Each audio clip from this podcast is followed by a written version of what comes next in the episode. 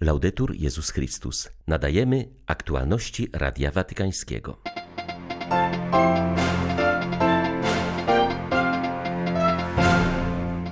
Wykorzystywanie dzieci to psychologiczne morderstwo, powiedział papież do przedstawiciela Stowarzyszenia Meter, walczącego od lat z nadużyciami seksualnymi wobec nieletnich. Medjugorje po raz pierwszy zostało włączone w oficjalną inicjatywę Stolicy Apostolskiej Maraton Różańcowy o ustanie pandemii. Decyzja Ojca Świętego nie oznacza uznania objawień przez Watykan, ale podkreśla duchową wartość tego miejsca.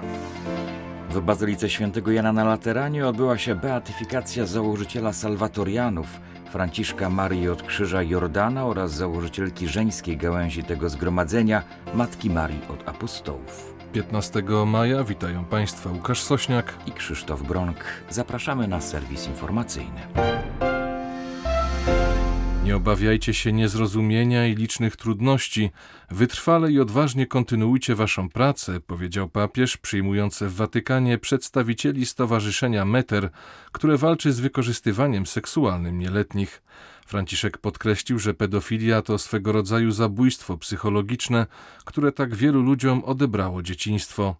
Jak powiedział przed audiencją założyciel Stowarzyszenia Meter, ksiądz Fortunato Dinoto, w samej tylko Europie ofiarą tej zbrodni padło od 18 do 19 milionów nieletnich. Franciszek zaznaczył, że Stowarzyszenie Meter walczy z pedofilią już od 1989 roku, kiedy tylko nieliczni mówili o tej pladze.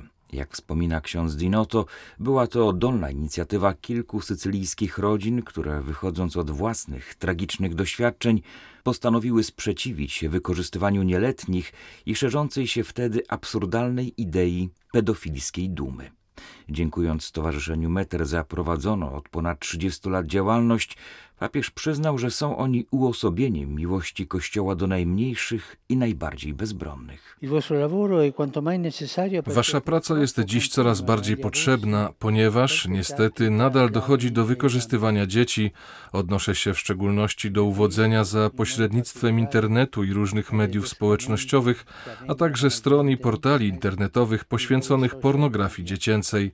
Jest to plaga, która z jednej strony musi być zwalczana z nową determinacją przez instytucje publiczne, przez władze, a z drugiej strony wymaga jeszcze większej świadomości ze strony rodzin i różnych instytucji oświatowych. Również i dziś widzimy, jak często w rodzinach pierwsza reakcja polega na tym, by wszystko ukryć. To jest pierwsza reakcja, która nadal też jest obecna w innych instytucjach oraz w Kościele. Musimy walczyć z tym starym nawykiem ukrywania. Wiem, że zawsze staracie się chronić dzieci, również w sferze najnowocześniejszych środków komunikacji. Wykorzystywanie dzieci to swego rodzaju psychologiczne morderstwo i w wielu przypadkach prowadzi do wymazania dzieciństwa. Dlatego ochrona dzieci przed wykorzystywaniem seksualnym jest obowiązkiem wszystkich państw, które muszą wykrywać zarówno handlarzy, jak i oprawców.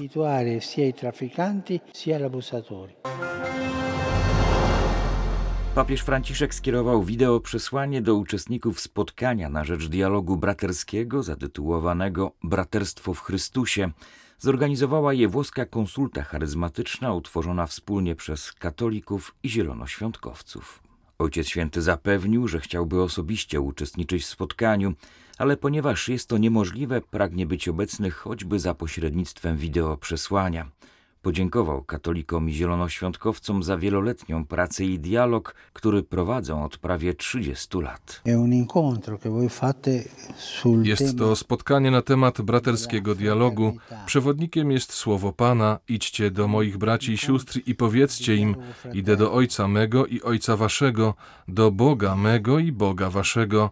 Jezus posyła nas, abyśmy głosili, że jest z nami, towarzyszy nam, jako chrześcijanie, bez podkreślania podziałów, które nadal istnieją, ale które nie przeszkadzają nam pracować razem i obmywać sobie nawzajem nóg. Pamiętajmy o Bari. Przyłączam się do Was i uczestniczę duchowo w tym spotkaniu.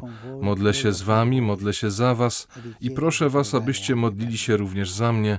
Bracia i siostry, bardzo Wam dziękuję za ten znak braterstwa.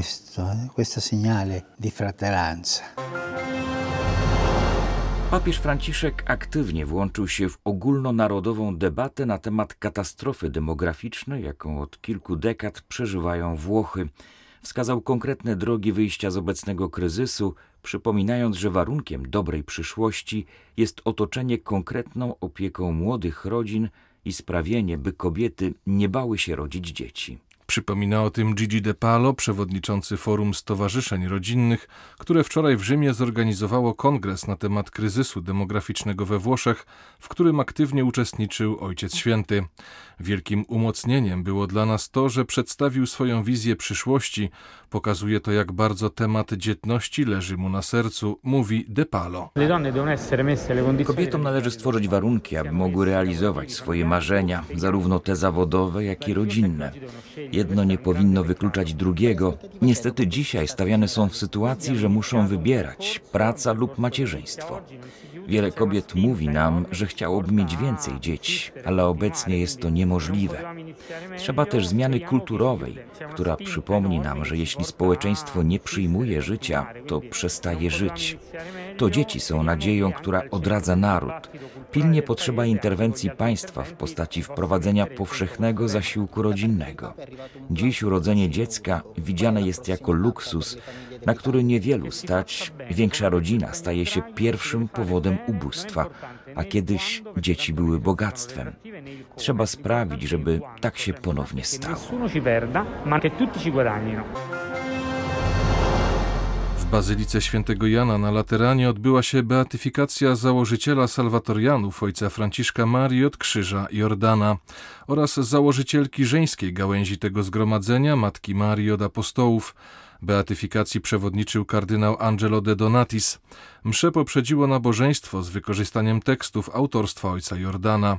Gośćmi honorowymi była brazylijska rodzina, w której wydarzył się cud za wstawiennictwem nowego błogosławionego. To dla rodziny salwatoriańskiej historyczny moment. Wszyscy czekaliśmy niecierpliwie na zakończenie procesu beatyfikacyjnego, który toczył się od prawie 80 lat, powiedział w rozmowie z Radiem Watykańskim salwatorianin ksiądz Adam Teneta. Zaznaczył, że nauczanie i życie ojca Franciszka Jordana mogą być wzorem dla współczesnego kościoła działającego w sekularyzowanym świecie. Nasz założyciel pragnął, aby wszyscy ludzie poznali Chrystusa.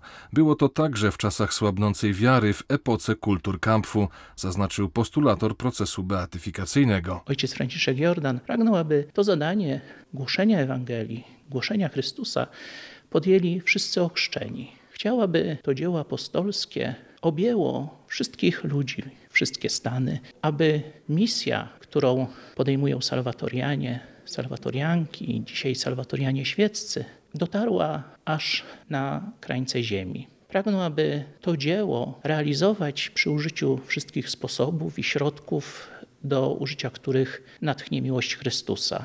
I to właśnie jest tym szczególnym darem, jaki nowy błogosławiony niesie dla Kościoła i dla świata. To przesłanie uniwersalności apostolskiej, tego, że wszyscy ochrzczeni są wezwani do tego, aby świadczyć o Chrystusie, aby nieść innym Chrystusa.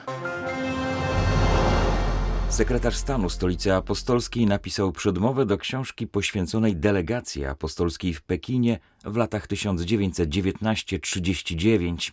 Jednym z celów publikacji jest pomoc w zrozumieniu delikatnych relacji pomiędzy papiestwem a państwem środka.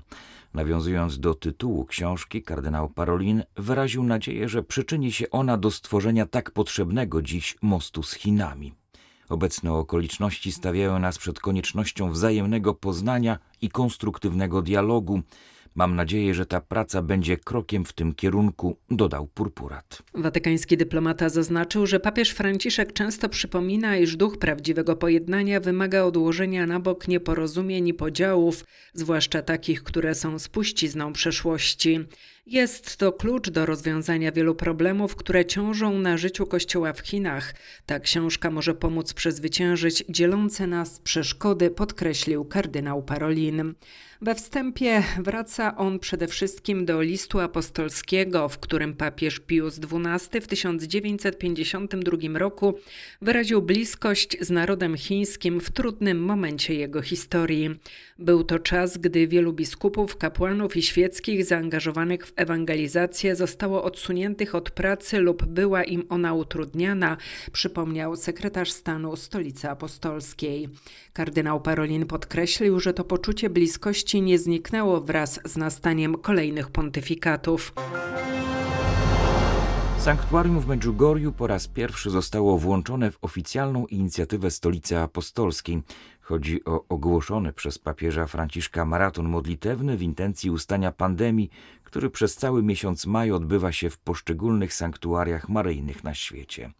Dziś wieczorem, za pośrednictwem watykańskich mediów, właśnie z tego miejsca popłynie modlitwa różańcowa. Dla wielu była to ogromna niespodzianka, ponieważ z kanonicznego punktu widzenia Medjugorje nie ma statusu sanktuarium, wskazuje ksiądz Salvatore Perella, który był członkiem Watykańskiej Komisji badającej na polecenie Benedykta XVI prawdziwość objawień. Ceniony włoski mariolog dodaje, że włączenie Medjugorje do tej modlitewnej sztafety oznacza docenienie przez papieża pobożności ludowej i duszpasterskiego znaczenia tego miejsca. Nie oznacza to, że Kościół uznał objawienia. Dostrzega jednak całe dobro płynące z tego miejsca, które jest ogromnym konfesjonałem. Ludzie doznają tam nawrócenia i radykalnej przemiany życia. Maria prowadzi ich tam do Chrystusa, mówi ksiądz Perella. Włoski mariolog zachęca do włączenia się w różańcowy maraton modlitewny w intencji ustania pandemii. Izrael popełnia samobójstwo, a i Europa i Stany Zjednoczone pomagają mu w tym samounicestwieniu, uważa ksiądz Dawid Neuhaus, przełożony jezuitów w Ziemi Świętej, konwertyta z judaizmu. Podkreśla on, że to, co teraz dzieje się w Ziemi Świętej, podsycanie konfliktu z Palestyńczykami, posługiwanie się przez władzę skrajną prawicą i dążenie do konfrontacji nie służy interesom Izraela. Podkreśla on zarazem, że jego ojczyzna nie jest mocarstwem, w pełni zależy od poparcia Stanów Zjednoczonych i Europy, które pozwalają władzom izraelskim na to pogłębianie konfliktu, które nieuchronnie prowadzi do samounicestwienia Izraela. Wspólnota międzynarodowa czuje się bezradna wobec tej sytuacji, ale ta bezradność jest jej wyborem. Rozmawiając z Radiem Watykańskim, ksiądz Neuhaus podkreśla, że nowy konflikt między Izraelem i Palestyńczykami dla nikogo nie powinien być zaskoczeniem. 73 lata mamy tu bowiem otwartą, ropiącą ranę, której nikt nie leczy. Od 1948 roku, odkąd Żydzi mają swoją ojczyznę, miejsce, gdzie są u siebie. Jest to kraj, któremu się powodzi, który jest zamożny. Rana polega na tym, że Palestyńczycy nie mają swej ojczyzny, nic nie otrzymali w zamian. I to trwa od 73 lat. Czasami nastaje względny spokój, który wynika z dwóch powodów albo z nasilenia represji przeciwko Palestyńczykom, którzy ubiegają się o swoje prawa, albo ze zmęczenia Palestyńczyków, którzy popadają w bezczynność. Ale kiedy to mija, następują eksplozje, wojny, starcia. Dlatego nie można być zaskoczonym tym, co się teraz dzieje. Kościół katolicki, zarówno powszechny, jak i lokalny, od 73 lat konsekwentnie wskazuje na potrzebę poszanowania obu stron. Wyraża też swoje ubolewanie z powodu ofiar w ludziach, i zniszczeń po obu stronach, zarówno w Gazie, jak i w Izraelu. Tym razem bowiem po raz pierwszy palestyńskie rakiety docierają na terytorium Izraela i co wieczór spadają na miasta na południu kraju, a nawet na niektóre dzielnice Tel Awiwu. Kościół ubolewa z tego powodu i okazuje solidarność z tymi, którzy cierpią, a zarazem powtarza: Nie ma pokoju bez sprawiedliwości, nie ma pokoju w atmosferze, w której górę biorą rasizmy, a władze wspierają ekstremistów.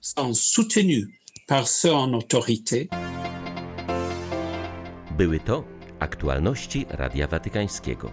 Laudetur Jezus Chrystus.